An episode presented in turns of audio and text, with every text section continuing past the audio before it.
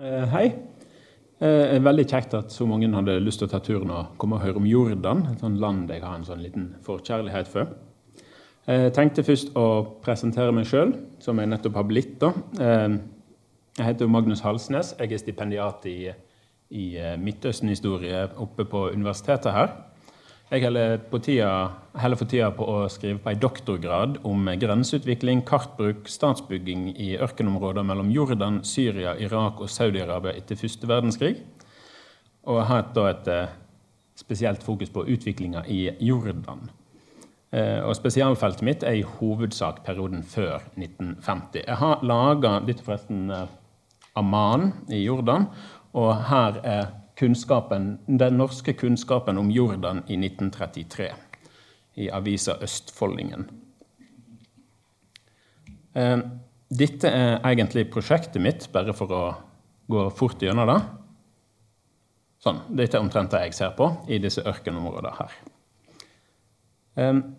Eh, det begynner å bli litt av sånn som jeg bodde i Jordan. Jeg bodde i Jordan i 2007, og akkurat når den arabiske våren starta i rundt 2011 Jeg skulle egentlig til Syria, men uh, av en eller annen grunn så får jeg heller da til Jordan. Det var roligere, og så fikk du studiestøtte uh, når du dro til ikke-krigsområdet.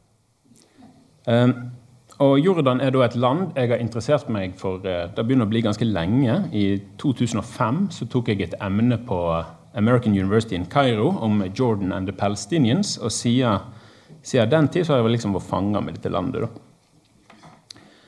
Og i dette, denne, dette foredraget så tenkte jeg å gi en liten introduksjon til Jordan.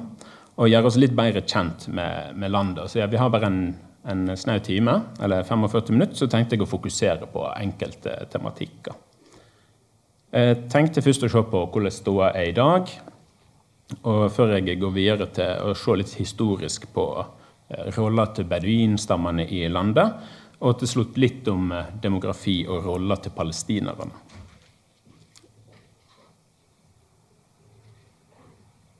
Og da er det liksom, Hva er det for et land? Hva utfordringer og problemstillinger er det vi finner i dag? Og Som eh, historiker så liker jeg å gå tilbake i tid og prøve å forklare alt ut ifra 100 år tilbake. Og i disse dager så er Jordan omtrent 100 år gammelt. Staten ble oppretta i 1921, men det, først, eh, men det var nok sånn statsdanninger der som begynte nå i august 1920. Jeg tenkte først å gå gjennom noen så par grunnleggende saker om Jordan. Litt om geografien. Vi ser eh, et oversiktsbilde her. Det er ganske godt plassert i Midtøsten og har alltid vært en av aktørene i regionen. Og Det er ofte blitt sett på og portrettert som av media som en sånn rolig utkant eller rolig stat i en ganske urolig region. Og da kan jo en delvis forstå når en ser på plasseringa. Det har ganske sånn lange og porøse grenser. Så om vi ser på dette kartet her, så har vi da Israel og Palestina i vest. I nord har vi Syria, og helt i øst, et godt stykke under ørkenen, så har vi Irak. Og i sør finner vi da Saudi-Arabia, der kongefamilien egentlig kom for for en 100 år tilbake. Og Forholdet til disse nabolandene her har på ulike tidspunkt vært både godlynte, men òg anstrengte. Og samtidig så har en vært usikker på helt eh, hvordan det har vært med forholdet. For det er litt sånn, eh, Jordan har vært et sånn land i en slags balanse. Og jeg tenkte òg å gå litt gjennom eh, hvordan landet ser ut nå skal vi tilbake til den her. Og Da kan vi nyttig å vite at eh, landet det er nesten 80-90 ørken. Eh, det er et av de tørreste landene i verden, og tilgangen til vann der eh, begynner å bli viktigere og viktigere. Landet bruker mer vann enn det får gjennom, gjennom regn og lignende, og grunnvannet synker årlig. Og nå som en begynner å få en god del flyktninger inn, og en uh, folkeauken stiger ganske Eller folkeauka, eller hva en skal kalle det. Det er folkeauk i landet. Altså Befolkninga stiger veldig. Og en har da òg massive flyktningleirer, og en, i tillegg til klimaendringer. Uh, en artikkel i Nature kaller det nylig sånn 'Et land uten vann'. Det vi ser her er at eh, landet i hovedsak har eh, gras og vann og busettinger i vest. Og den ser en på egnekartet enekartet fra 47, der det grønne det er dette her, der det grønne er der du kan gro ting, mens resten i stor grad er grus og sand og ørken. En ser det òg på et litt nyere kart som eh, der. Jeg vet ikke om dere klarer å lese det som står der. Men det oransje er da ørken, og det grønne er sånn eh, jordbruksland. Eller det en kan utvikle til jordbruksland. Et unntak eh, er at eh, alt i øst er i hovedsak ørken, med et unntak som dere faktisk ikke ser her. Det er jo, det er her. Det er Asrak, der den eh, ligger flyktningleir i dag. Eh, eneste utløpet til eneste utløpet det har til ei havn, er Akaba helt i sør. Da må du gjennom en god del ørken før du kommer ned helt her. Det er vel en fire-fem timers tur med bil i dag. Det er sånn under feriemål for mange. Eh, og Der ligger òg denne store Vadirom-ørkenen, eh, som eh, mange har sikkert sett på film og TV. Hvis dere sitter Star Wars, er den nyeste der, så er den filma en del der. Lawrence of Arabia 1962, og så The Martian. Og nå i fjor, tror jeg det var, da var NRK der nede med han der Mikkel og han der Herman Flesvig som for å surre rundt om i ørkenen og lagde rimelig sånne kleine terroristsituasjoner. Um, og I vest så har vi Jordandalen, som det er litt uh, bråk med nå i Eh, med Israel. Det er laveste punktet på jorda. Det er 430 meter under havet i dag. Men da Jordan ble oppretta, var det 380 meter under havet. Så det er sunket 50 meter på 100 år. Her er det òg et rimelig spennende prosjekt med å, der en vil sluse vann fra Raudehavet. Og så fylle opp Dødehavet med en sånn Red Dead, eh, som en kaller det, kanal. Som skal liksom bare eh, sluse hele vannet opp og fylle opp at Eh, Dødehavet, men da har de snakka om i en sånn 100 års tid nå, så vi får nå se om det blir noe av. Et annet bilde her som kan uh, gi en indikasjon på hvor det bor folk, er Disse to kartene er fra 93, da, men uh, de stemmer sånn cirka. Er at nesten alle bor der det er rødt. Dette store røde stemmer ikke helt. Det er sånn kommunegrense, men nesten alt bor i vest. Jeg har òg laga til en sånn her sammenligning med, med Norge her. Eh, for å bare eh, smelle det inn her. Så en kan egentlig Jordan, hvis du skal bare se kort og enkelt på det, kan dere se på som Vestlandet hvis hele Østlandet var en flat ørken. Som dere ser, så er det sånn omtrent like stort. Så da ble vi litt kjent med det, så jeg tenkte så gå videre til styresettet. Eh, her har vi da kong Abdullah som styrer i dag. Han er kong Abdullah 2., og dette er i en episode av Star Trek Voyager, der han fikk stå i bakgrunnen som statist. Han er, han er stor Star Trek-fan. Det er når han var berreprins. Jeg tror det er i 1992, eller noe i den dur. Jordan er, til uh, ulikt de andre statene i uh, regionen, et konstitusjonelt monarki. Uh, det skiller fra de andre, som er i hovedgrad republikker av et eller annet slag, eller absolutte monarki. Det heter de har en nasjonalforsamling med en grunnlov, som en ofte har valg til. Spesielt etter 89 så har det vært en god del valg, men det er valg helt tilbake til, til 20-tallet. Eh, det er delt inn i sånn over- og underhus, der eh, statsministeren kommer ut av underhuset. Det ligner litt på Storbritannia, og sånt, men det er bare delvis demokratisk. Og store deler av systemet er vridd til fordel for eh, enkelte grupper, spesielt disse beduinstammene i landet. Og Kongen han sitter med mesteparten av makta, og han kan kaste statsministre, oppløse nasjonalforsamlinger og peke ut ny regjering etter som han har lyst. Det er noe han har gjort veldig ofte. og det er et grep mot Når folk blir sure i landet og begynner å demonstrere, så sier han ja, men da får vi bare oss en ny statsminister, så blir alt dette bra. Og eh, Parlamentet brukes også som en sånn fin måte å diskutere hovedproblemstillinger i landet. Eh, det er da ei utøvende kongemakt, men det er ikke ei, nødvendigvis ei veldig diktatorisk ei. Jordan er òg et relativt åpent land. Det er ganske, ganske, fritt med visse ting du har lov og ikke lov til å kritisere. Eh, og den britiske historikeren Philip Robins, som har skrevet en av de største bøkene om Jordan, eller mest eh, enkelt å få tak i, har kalt landet for hyggelig styr, en, en, hyggelig styrt autoritær stat. Så det er jo noe. Eh, Hilde Henriksen Våge, en, en, en norsk historiker i Oslo, hun har kalt det for et eh, monarkisk demokrati. Og dagens konge, Abdullah 2., som vi ser her Vi ser òg alle de tidligere kongene eh, helt over her.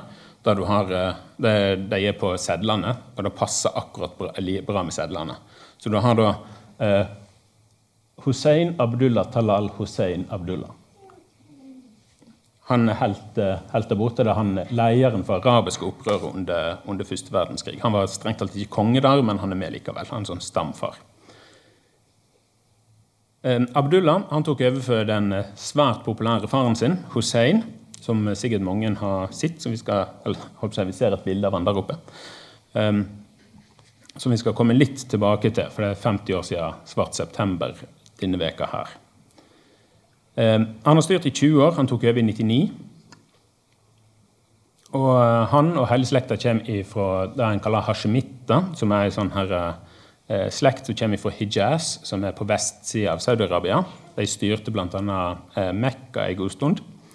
Og, og en kan spore slekta si helt tilbake til Mohammed. Så det er sånn sharifa. Det, altså, stammer fra Mohammed. Og så De henter en god del legitimitet derifra. Han er ellers halvt britisk og gift med dronning Ranja, som sikkert mange har hørt om i Se og Hør og lignende. Og sånn modelldronning. Og hun er av palestinsk herkomst. Og så er det sønnen nå, som òg heter Hussein, da, så dette blir litt sånn Christian Fredrik-opplegg, sånn som vi kjenner fra norsk og dansk historie. De her er veldig aktive på Instagram, hvis noen liker å følge kongelig der. Og dronning Ranja hun har omtrent seks millioner følgere der. Det er òg en god del kontakt med Norge. Eh, kongen vår var jo nedom og besøkte dem nå i mars. Og her er et bilde av når han var i, i Norge i 2000. Da var han rimelig fersk. Så, og så er han eh, egentlig rimelig populær, konge, eh, kongefamilien der. Er ikke, det er ikke noe sånn sterkt hat mot det. eller noe sånt, eh, Det er veldig sjelden en sier at, det, at en vil at en skal I andre land så sier en ofte at det, presidenten må vekk, eller noe sånt, men her er det veldig sjelden at en vil at kongefamilien skal vekk. Det pleier være sånn no go. Og faren var som sagt rimelig populær. Han har Bestefaren han var, ikke, han var ikke like populær, så det, han ble jo da faktisk skutt. Um, ja. Men jeg hadde et her At de har en sånn eh, Jeg har en sånn vitsetegning her. Det var, dette er fra 2000 år han tok over Abdullah. Han, var, han, var, han fikk han tok brått over for at eh, faren døde av kreft og bytta ut kronprinsen, som var broren, eh, med Abdullah, som var sønnen, en måned før han tok over. Han var totalt uforberedt på det, og da ble han, så ble han plutselig konge. Han kunne, han kunne bedre engelsk enn arabisk når han tok over, noe som var litt flaut for en, en etterkommer av eh, Mohammed. Og Han tok opp en tradisjon som faren hadde gjort. Det var å forkle seg som en vanlig mann og gå rundt om i gatene holdt på å si, som Fantomet. For å oppleve da hvordan det var å bli møtt av staten. Og Her er en sånn vitsetegning av en tegner vi skal komme tilbake til. Uh, der han forestiller seg da ulike karakterer som kongen kan dukke opp på gata i. Det førte sannsynligvis til dels del sånn kleine situasjoner for offisielle tjenestemenn, vil jeg, vil jeg tippe. Men dette landet her det har jo en god del utfordringer. Det er et av de landene med minst økonomi i regionen. Det er ikke et rikt land. Eh, de har, som jeg nevnte kort, veldig dårlig med vann. De har ingen olje eller nevneverdige ressurser. De har noe sånn fosfat, fosfat i eh, jord i nær Dødehavet. Og de er veldig avhengig av hjelp utenfra. Og det er noe som preger hele historien. De har ofte trengt en sånn eh, godhjerta stormakt utenfor landet til å hjelpe seg gjennom vanskelige tider. Mesteparten av energien for eksempel, den er òg importert. Eh, generelt sett så sliter landet med ganske høy arbeidsløshet. Jeg tror det vel er av unge da, så er vel 30% arbeidsløse. Det er sånn kronisk, har vart i mange år. Og så har de ganske mye statsgjeld. På ett punkt tror jeg det var da landet med mest statsgjeld i verden, men er ikke, jeg er ikke økonom, så det er ikke jeg sånn 100 eh, sikker på. Eh, de sliter òg med det som resten av Midtøsten sliter med. Det er ganske høy andel av ungdom. Det er en ganske ung befolkning. Det er det denne grafen her på en måte skal vise. Der du har eh, Eh, andelen unge i forhold til andelen eldre. Det er Nesten halvparten av de som bor der, er under 25 år. Og Når det gjelder denne befolkninga, et annet problem når det gjelder demografi, er at du har en ung befolkning, men du har òg en lett delt befolkning. Det er en av de større spenningene i landet som går tilbake til 40-tallet, er spenningen mellom den, hvis jeg skal kalle det, to folkegrupper, eller to nasjonale identiteter. Det er mellom palestinere og mellom de opphavlige liksom, transjordanere, som en kaller det. De som bodde i Jordan for før. Og spenninga mellom disse de, den er ganske dominerende. Sånn så uh, disse jordanere, eller østjordanerne, kan han vel kalle dem, de dominerer i stor grad staten gjennom hæren, gjennom politiet og sikkerhetstjenestene. De er utrolig lojale mot uh, kongen. Mens den eh, palestinske delen av befolkninga er størst, og den har ganske mange ulike statuser. Mange som er statsborgere i forskjellige land. Noen har status som flyktning, noen har status som statsborger, og noen har sånn andre typer statuser. Og det jeg tror det er to millioner som har status som flyktninger.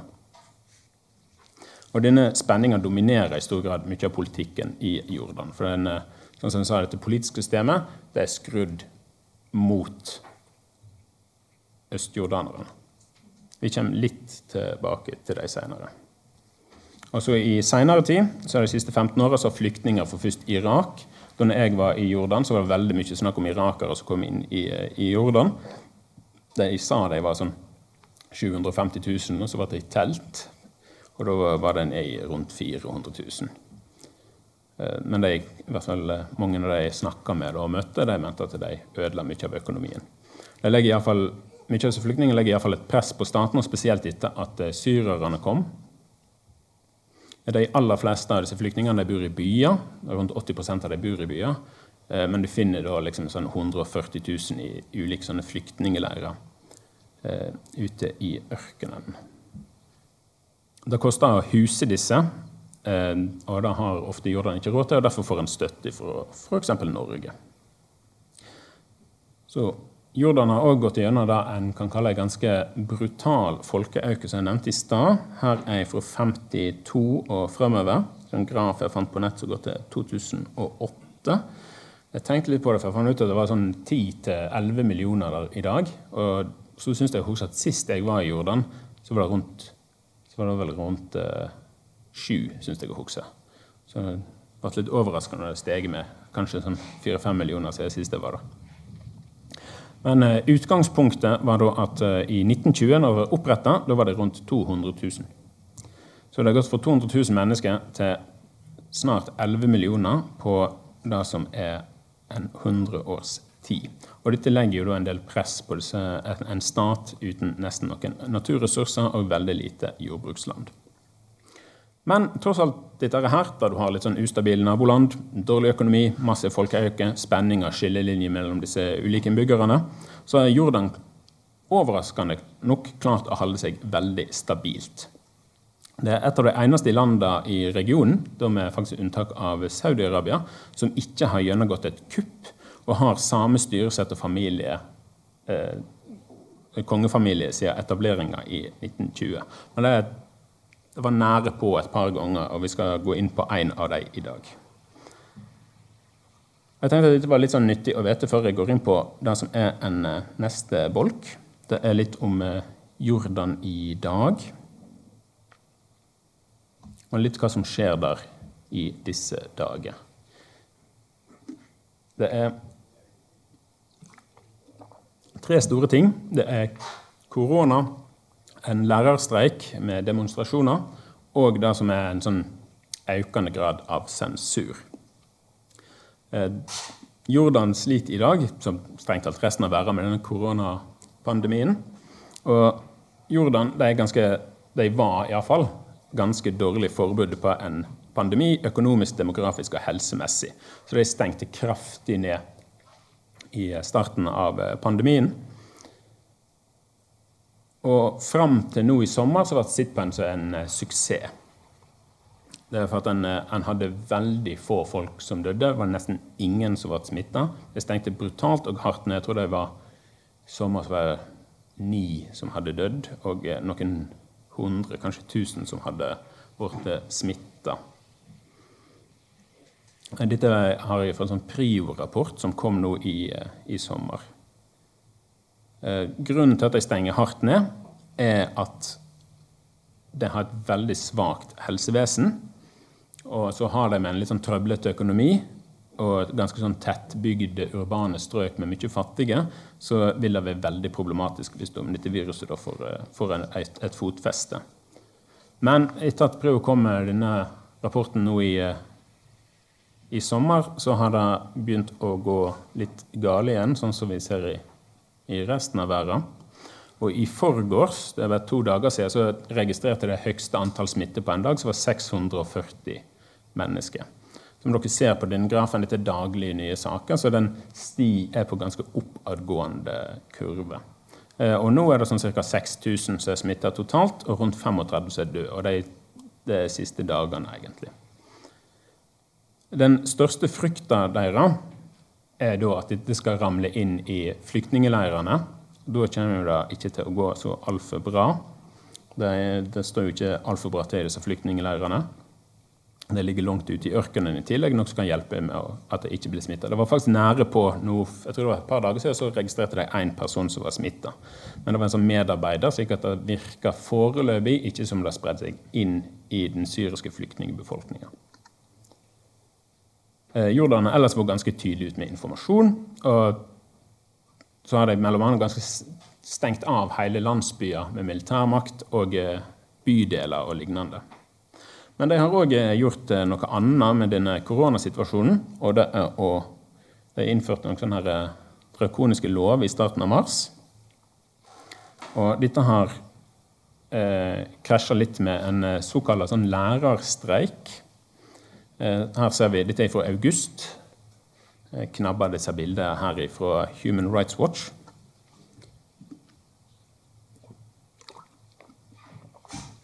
I løpet av juli så oppstår det ganske store demonstrasjoner mellom lærere, eller ikke mellom lærere, av lærere i, i Jordan. Det var hundre, hund, hundrevis av dem, ikke hundretusenvis av dem. Eh, hundrevis av dem demonstrerer i ulike eh, byer rundt omkring i Jordan. Og de demonstrerer mot at eh, styresmaktene har stengt ned fagforeninga deres. De har stengt ned for to år, og så har de arrestert mye av, flere av lederne deres. Og dette er som følge av at fagforeninger, som ble lovd høyere lønn i fjor, ikke fikk det da korona slo til. Og det var ganske sånn offentlig tydelig eh, usemje med dem, og da hovedsakelig om lønn. I fjor var det en sånn månedslang streik. og noe. Og Dette er en sånn lønnsforhandling som har gått over i en større krise. Denne fagforeningen her er ganske stor. Den har 140 000 medlemmer. Den er ganske selvstendig i forhold til mange andre fagforeninger. sånn som er der. Og utdanning er et av de punktene som Jordan er veldig flinke på å skryte på seg mye. Eh, den, bare, den, fikk lov til å starte opp under arabiske våren i 2011. Det som var litt spesielt med den, er at eh, media de fikk et forbud mot å snakke om disse demonstrasjonene. Det var helt knusttørt fra, jordanske medier og lokale medier. og sånt. Det er et par ting som seiv ut, sånn som Human Rights Watch hadde gikk ut og sa litt om det. Eh, men det meste foregikk da på sånn sosiale medier. Så hvis du der delte en video av litt sånne opptøyer og noen som ble prylt opp med sånne stokker. og sånt. Og så Hvis dere går inn på det, sånn ganske sånn lærervennlig emneknagg. Det er sånn med muallim, al. Det er altså med læreren, de som støtter den. Der så en det en god del. Eh, slik at disse ble underspilt i jordansk media. Og disse var, Ifølge en sånn journalist som var på media, han sa at dette var et av de største demonstrasjonene har sett siden den arabiske våren i 2012. Men det har eh, svunnet litt hen nå. Noen av disse leirene ble sluppet fri, og sånt, men det er en del fortsatt som sitter, sitter fengsla. De pleier som regel bare ved forvaring, og så blir de sluppet. Som sagt et hyggelig styrt autoritær stat. Så det blir bare satt i forvaring, halter en liten stund og sluppet løslatt. Eh, bakgrunnen for demonstrasjonene er at politiet reida kontorer. De stengte ned lokalkontoret lokalkontorer over hele landet og arresterte disse 13 styremedlemmene. Eh, og disse 13 styremedlemmene som de sluppet fri, de er fortsatt sikta for sånn som valgpåvirkning, illegale samlinger, oppfordring til ulovlige handlinger og oppmuntring til hat mot offentlige utdanningsinstitusjoner. Og disse nødlovene som kom i mars, har en da brukt for å, å sette, eh, stille disse siktelsene. Og, men en annen ting er at en av disse grunnene til sannsynligvis denne har vært stengt ned, i hvert fall det en brukt som en unnskyldning, eller en underliggende unnskyldning, er at han har mye kontakter med det muslimske brorskapet i Jordan. Det er den største opposisjonen i Jordan, det muslimske brorskapet. Kongen han er ingen stor fan. Er Ikke glad i det i det hele tatt. Og den lokale greina av brorskapet, altså den jordanske greina, den ble gjort ulovlig eh, ti dager før de stengte disse kontorene. Og dette kan være litt av grunnen til at jeg kan spekulere hvorfor de stenger ned denne, eh, denne lærerorganisasjonen. En motstemme mot det er at liksom sånn, denne organisasjonen den er altfor stor, inkluderer altfor mye middelklasse, arbeid, arbeiderklasse og sånt, til at én gruppe klarer å dominere den. Jeg tror FN-kontoret for menneskeretter, eller Høykommissæren for menneskeretter var ute og ba Jordan om å reversere dette. Og Human Rights Watch, som jeg har bilde av her, eller ikke bilde, bilde ifra her, eh, de har òg ute sagt at ytringsfriheten i Jordan er ganske trua av måten de håndterer korona på. De har annet innført sånne straffer for å dele det de kaller fake news, og det som er en vagt å forårsake panikk, som ofte kan tolkes som hvis du kommer med kritikk. Og de har foretatt en god del arrestasjoner. og sånt. Og Noen mener da at du har et mindre rom for uh, for opposisjon og frihet i Jordan nå enn før. Det ser vi òg på han eh, karikaturtegneren vi visste tidligere. Han ble arrestert for denne fine tegninga her i eh, slutten av august. Han heter Emad Hajaj. Han er en veldig velkjent karikaturtegner i Jordan. Han har holdt på i et par tiår. Og her har du ei tegning av denne fredsavtalen mellom eh, Emiratene og Israel. Og her blir han da sikta med bruk av terrorlover om at han skal ha uroer relasjonene med en annen stat, som da er Emiratene. Det har òg med en sånn her eh, avtale med slike F-35-fly, men du har i hvert fall da ei, ei eh, israelsk due som spytter Mohammed bin Zaid i ansiktet. Det er han der eh, som styrer Emiratene. Han ble da arrestert og så satt i forvaring. Men som jeg sa tidligere, så er det hyggelig styrt, så han ble slappen løs et par, par dager etterpå. Da. Men disse eh, siktelsene mot han, de, de ble redusert for at han kan komme fem år i fengsel til bare to år i fengsel. for å tegne den her. Denne saken er pågående, så jeg er ikke 100 sikker på hvordan den kommer til å ende. Og da er sånn cirka ståa litt i jorda nå. Mye av disse liksom pågående saker. Så vi får nå se hvordan de, de ender opp. Eh, og da, nå har jeg brukt en god eh, halvtime, så tenkte jeg å hoppe litt tilbake i tid. Ca. 100 år tilbake i tid.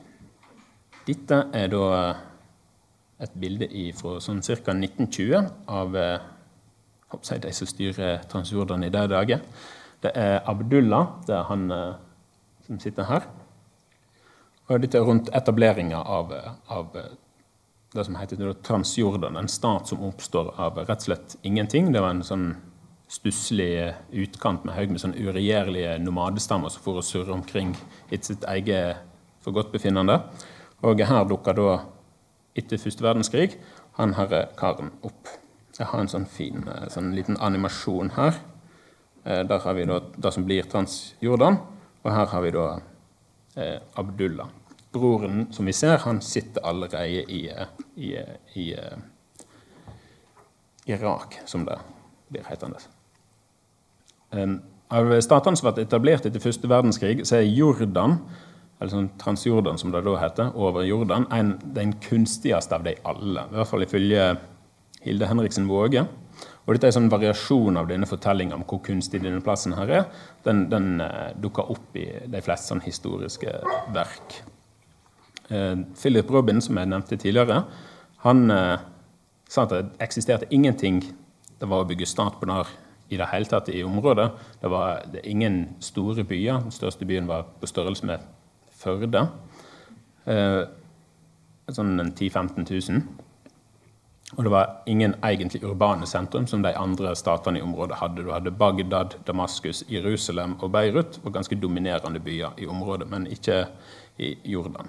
En hadde litt jordbruk, et par folk som bodde, og så disse da, enorme beduinkonføderasjonene som for og surra og gjorde som de sjøl ville. Og det var på ingen måte sikkert at denne staten her kom til å overleve. Men Abdullah, som vi nettopp så dukke opp i Jordan, han eh, inngikk en allianse med disse beduinstammene. Eh, her er et par bilder fra perioden. Han eh, inngikk en allianse med disse beduinstammene, som da blir en grunnpilar i hele statsstrukturen til, til slutt. Det er en av de største som jeg kommer til å komme bitte litt innpå. Det er et, det er et sånt navn som jeg aldri klarer å si. Med sånn litt sånn her så blir det litt vanskelig, men det er Banisar. Det ser en uh, her. Det er de som i dag eier store deler av Amman, alt eiendommen som er der. Han inngår en allianse med dem for å sikre seg støtte i Jordan. Og Litt av grunnen til at jeg tar opp disse stammene, eh, er at det er få egentlig som nevner dem i nevneverdig grad. Det er ofte nevnt at det er stammer der, at det er et stammedominert samfunn. Det er i stor grad et stammedominert samfunn i dag, Jordan. Men det er her liksom statsstrukturene blir satt. Eh, en oppretter da med hjelp av britene. Britene lager til et sånn Jeg har ikke tid til å gå ta hele, hele verdenskrigshistorie akkurat her. Eh, men britene da oppretter et mandat i Transjordan der Abdullah blir en eh, emir, og da styrer det delvis som en sånn monark. Og De skal hjelpe da Transjordan til å bli en sivilisert stat. Eh, for de liksom vet de har fått et mandat fra Folkeforbundet, så betyr det at det ikke er noe å bygge stat på der. Så Transjordan ble strengt talt funnet opp i 1920. Det var aldri noen tidligere eksisterende stat. Eh, verdien lå i ei jernbane, som vi delvis ser her, som da òg blir denne, denne Hijazi-jernbanen, som hvis dere sitter Lawrence of uh, av Arabia. Han likte å sprenge den under første verdenskrig en god del. Men ser fortsatt toga ligge langs skinnene i Saudi-Arabia i dag. Så da blir statsstrukturen i Jordan den blir bestående av en innflytta eh, hashmit-prins i kombinasjon med store sånne nomadekonføderasjoner, en beduiner, med en sånn, eh, under en sånn britisk paraply. Og så I motsetning til sånn som Palestina, eh, så får en da en én tydelig statsstruktur der. I Palestina så får du ulike parallelle statsstrukturer som gjør til at en ikke vet hva slags styresystem en har. Men i Jordan der får du et, du får et eh, monarki med et parlament. En holder valg, selv om i hvor stor grad de var frie, er noe det kan en diskutere. Eh, men en hadde da valg og et parlament. Så denne statsstrukturen bygger seg da sakte opp. Her har vi òg Abdullah til hest denne gangen. Eh, britene var òg glad i dette landet her. De visste ikke helt i starten hva de skulle gjøre med det.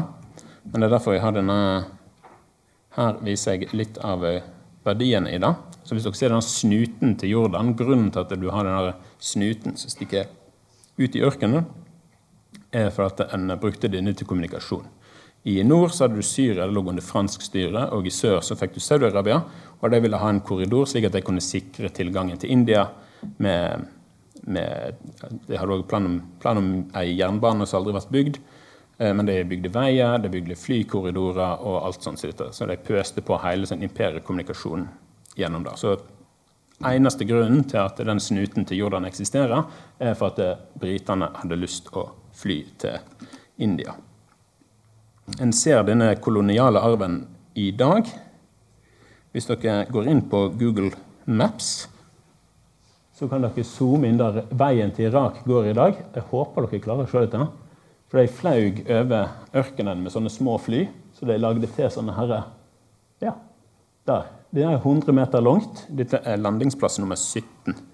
Den ligger der sånne små sirkler, slik at når piloter flaug over ørkenen, så kunne de eh, navigere etter Du finner også sånne ulike piler omkring i ørkenen som de har rissa inn. Hvorfor det står Kensington, har ikke jeg ringeste snøring om. Sånn. Så tilbake til disse fine stammene mine. Her har vi da eh, en av disse store slektene. Dette er øvstesjeiken av denne Bani Sahr-stammen. Eh, Mithkal al-Fayez. Eh, og han er en sånn urokråke. Eh, han allierer seg med staten, men han er ikke særlig eh, Han er ingen ja-mann. Så han eh, durer på som han vil. I starten så er det ganske nomadiske. eller ganske, De klarer å migrere mye. De er veldig flyttbare. Men etter hvert som de kjøper seg opp veldig mye jord i, eh, rundt Amman, så blir all eh, eiendommen deres knyttet til at de begynner å bli mer og mer bufaste. Eh, han her er en av mer, en av de mest innflytelsesrike personene i Jordan. Og slekta hans dominerer fortsatt i dag. Den er Alfayes. Hvis dere ser noe fra Jordan der de snakker om Alfayes, så er det sannsynligvis slekta hans. Um, og han knytter seg ganske kraftig til kongefamilien. Uh, og sønnen hans knytter seg til neste konge. Han Akif. Han knytter seg uh, til Hussein og Faisal Eh, Al-Fayez han er en av de største støttespillerne til Abdullah i dag. Og er en av de som rett og slett nærmest redda, redda han ifra å tape makt under arabiske våren. Da gikk hele denne stammen ut og sa vi støtta kongen fullt og helt. Uh, og da ble det slik. Det ble noen sånne politiske endringer. men det var og disse stammene er egentlig ganske uregjerlige i starten, men de blir inkorporert inn i statsapparatet. Eh, det var en enormt mye tørke ute i ørkenen på 20- og 30-tallet, så noen av dem holdt på å svelte i hjel. Og da eh, var britene der. De, de laga til en sånn liten hær som heter Den arabiske legionen. Den ser vi her, og den inkorporerer alle disse her, eh, nomadestammene inn i staten. Slik at de, får, de blir investert inn i staten og føler et medeierskap til staten. Her får de surre ute i ørkenen. Er et sånn gammelt fort fra 700-tallet. Eh, og dette utvikler seg til en av de best trente og best utstyrte hærene i Midtøsten. Jeg tror det fortsatt nærmest fortsatt er det. Den heter Den arabiske legionen på, på, norsk, og på engelsk en Arab Legion, men på, på, arabisk så er det bare Den arabiske hæren. Så legion er noe litt sånn her eh, briter som er veldig glad i antikken, fant på. Og Denne alliansen førte til en av de sterkeste støttespillerne Jordan og kongefamilien har. Den varer fortsatt i dag. Den er ikke 100 satt, men eh, den er der veldig tydelig. Så du har hele denne strukturen her satt før du får et ganske stort innrykk av palestinere et par år seinere. Eh, her har vi da når britene gir opp mandatet, jeg går ut fra de fleste av dere har sett disse kartene, her, så jeg skal ikke bruke altfor mye tid på dem. Eh, men han Abdullah som vi så, han hadde enormt store regionale ambisjoner for aller første stund. Han var aldri fornøyd med å få en sånn stusslig utkant, og han ville egentlig inkorporere Syria. Prøvde der i mange år, fikk ikke til. Prøvde å ta Saudi-Arabia tilbake, fikk ikke helt til. Prøvde å koble seg til Irak, fikk ikke helt til, selv om eh, broren satt der. Og Han foreslo òg, når han oppretta staten, at du kan ikke bare få Palestina òg. Og det sa britene nei til, for de skulle bygge en sånn nasjonalt heimland til, til jødene. Eh, og i 1947 så så han sin eh, Så så han eh, ny, ny sjanse da, til å utvide. Han holdt forresten òg kontakt med sionistene i Palestina òg, for å skaffe seg mer i denne jakta på land. Noe, det er derfor dette ikke faller i veldig god jord blant palestinerne. Britene gir opp mandatet i 1947. De overlater alt til FN. Israel blir i mai, eller erklært oppretta i mai 1948, og du får da en invasjonskrig. Eh, styrkene her er ganske ukoordinerte og av ganske variabel kvalitet. Men den best forberedte og mest profesjonelle er da den arabiske legionen fra Jordan. Under da leding av en, faktisk en britisk offiser. Og De her sikrer seg da det vi i dag kjenner som Vestbredden. Det er dette grønne området dere ser her. Jordan som eneste land annekterer da Vestbredden og inkorporerer dette inn i staten. Slik at dette blir strengt talt Jordan. Så da får du Vestbredden og Østbredden.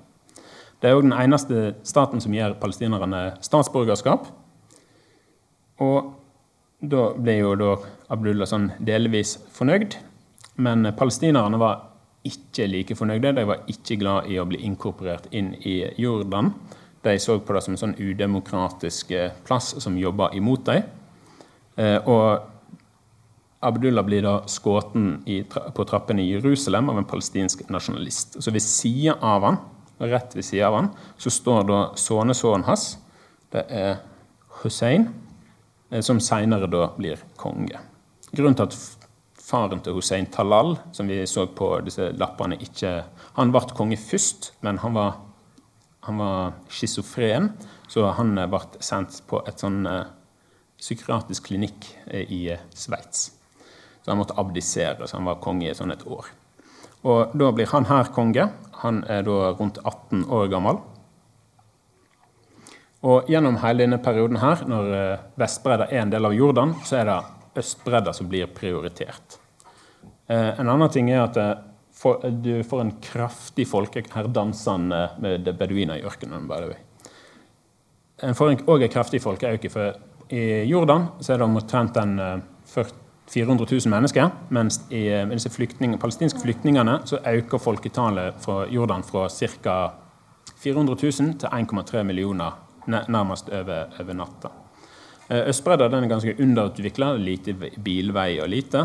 Eh, lite utdanning og veldig mange analfabeter. Han Mitkal som i Sverige var analfabet hele livet fram til han døde i 67. Og en prioriterer da Vestbredden. Og for å hoppe litt fort framover Her prøver en å da inkorporere palestinerne inn i, eh, inn i staten, men det går ikke så forferdelig, forferdelig bra. Og det tar oss videre til det som jeg tenkte jeg skulle nærmest avslutte med. Jeg ser jeg begynner å nærme meg i tre kvarter. Og det er svart september. I 1967 så eh, angriper Israel nabostatene sine og erobrer både Vestbredden, Gaza og Golanhøgda. Erobrer da her Golanhøgda. Her ser du forresten eh, Jordan, Israel, Syria og Golanhøgda. I et bilde så er det Galileasjøen. Eh, de erobrer da eh, Vestbredda, og du får flyktninger igjen fra Jordan og inn, eller fra eh, Vestbredda inn i Jordan. og Da kommer sånn 300 000 der. Hussein han har lyst til å ha Jordan tilbake, nei, Vestbredda tilbake. Nå roter jeg litt, dessverre. Han vil ha Vestbredda tilbake, men det viser seg å være litt vanskelig. Og han tillater da PLO, denne palestinske frigjøringsorganisasjonen og etablere seg i Jordan. Det angrer han ganske fort på. Eh, de forblir en sånn stat i staten. De eh, tar kontroll over store deler av, eh, av, av Jordan. Og de driver med reiding inn i, inn i Palestina. Og inn på Vestbredden og inn i Israel. I september 1970 så tar PFLP, en av disse gruppene, og kaprer et par fly, tre fly, som de flyr til Jordan. Eh, som de da har sånn, så har de sånn to uker med sånn gisselsituasjon. Eh, der noen blir sluppet fri, og så varer det i to uker mye sånn her eh, forhandlinger. Sant? Og da får eh, Hussein nok. Til slutt blir alle sluppet fri, og så sprenger PFLP disse flyene her. Og rett etter at de sprenger disse flyene her, så får Hussein nok. Han eh, går til angrep på disse palestinske organisasjonene og jager dem rett og slett ut av Jordan til slutt. En kort borgerkrig på en ti dager. Det er vel en 5000 cirka som blir drept. Den er ganske blodig og den er ganske kort. Eh, Syria prøver å invadere, men, eh, men eh, blir slått tilbake av Jordan, faktisk. De vil invadere på vegne av palestinerne. Og Irak står òg med styrker i Jordan. Men de støtter da kongen. Her har vi ei tegning fra Bergens Tidende fra 21.9.1970, der det står dårlig til med Hussein. Han er motarbeidet på alle kanter. Og her har han òg at han står ganske alene i den arabiske verden. Eh, og det preger ofte denne balansegangen. De, Jordan blir et veldig vestvendt. De er alltid tilknyttet Storbritannia og senere USA. Så de er veldig vestligvennlige. Og koblinga med denne Vesten skal vi veldig snart se. Eh, og det har vært veldig lenge vært en sånn balansepolitikk hvor de skal legge seg i regionen. Eh, her har vi mer Bergens Tidende. Dette er da ifra litt seinere, etter han har fått jaga PLO ut av, eh, av, eh, av Jordan. Det etablerer seg senere i Libanon, og så invaderer da Israel Libanon noen år seinere. Så har du holdt seg daggående. Han er da kjent som en sånn konge som har ni liv. En av de lengstregjerende monarkene i Midtøsten. Og dette er fra 1988, når han endelig sier at han ikke orker å ta tilbake Vestbredden. Da, da gir de opp Vestbredden og sier fra seg retten til, til området. For å fort pløye gjennom en liten sånn eh, slutt, eh, så sa jeg at jeg holder på med en sånn balansegang i regionen. Og det, det er sånn som Syria er ganske fiendtlig til tider. Og sånn arabisk nasjonalisme, som utviklet seg på 50- og 60-tallet, har vært ganske truende til, til Jordan.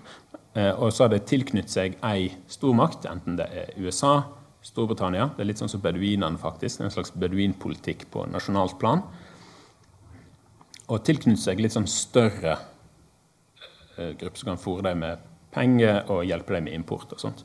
Og I 1980 så knytter de seg da til Irak, noe som senere viser seg kanskje ikke være det lureste, men det er veldig tett knyttet til Irak. Selv under spesielt under Iran-Irak-krigen, som starta i foregårs for 40 eh, år siden. Startskuddet, da. Det knytter seg veldig tett til Irak eh, og holder seg der, for det får all energien derifra. Saddam Hussein han var veldig glad i å fòre dem veldig mye med penger. Og han måtte var tvungen til å erklære seg nøytral i 1990 med, med Golfkrigen. Men etter at Saddam tapte, og sånt, så knytter de seg i stor grad til USA og denne veldig tette eh, banda til USA er fortsatt veldig sterke i dag. Hvis dere ser ambassaden til USA i Jordan, så ser det ut som dette litt større enn dette fortet vi så i stad. Den er helt enorm. Og jeg lurte på om jeg skulle slutte der, slik at vi har tid til litt spørsmål. Men akkurat det aller siste er denne tette banda til Vesten. Her er en tweet fra kongen, der han ser sønnen sin som er kronprins. Han har nettopp eh, blitt uteksaminert fra Sandhurst, denne britiske militærskolen. Så hvis vi hopper litt tilbake i tid, så ser vi her da Hussein når han møtte på Abdullah når han ble uteksaminert fra Sandhurst. Og hvis vi hopper litt lenger tilbake i tid, så har vi en eh, jeg ikke hvem dette er, men en brite som eh, gratulerer Hussein ved å bli uteksaminert fra Sandhurst. Denne koblinga til England er ganske lang.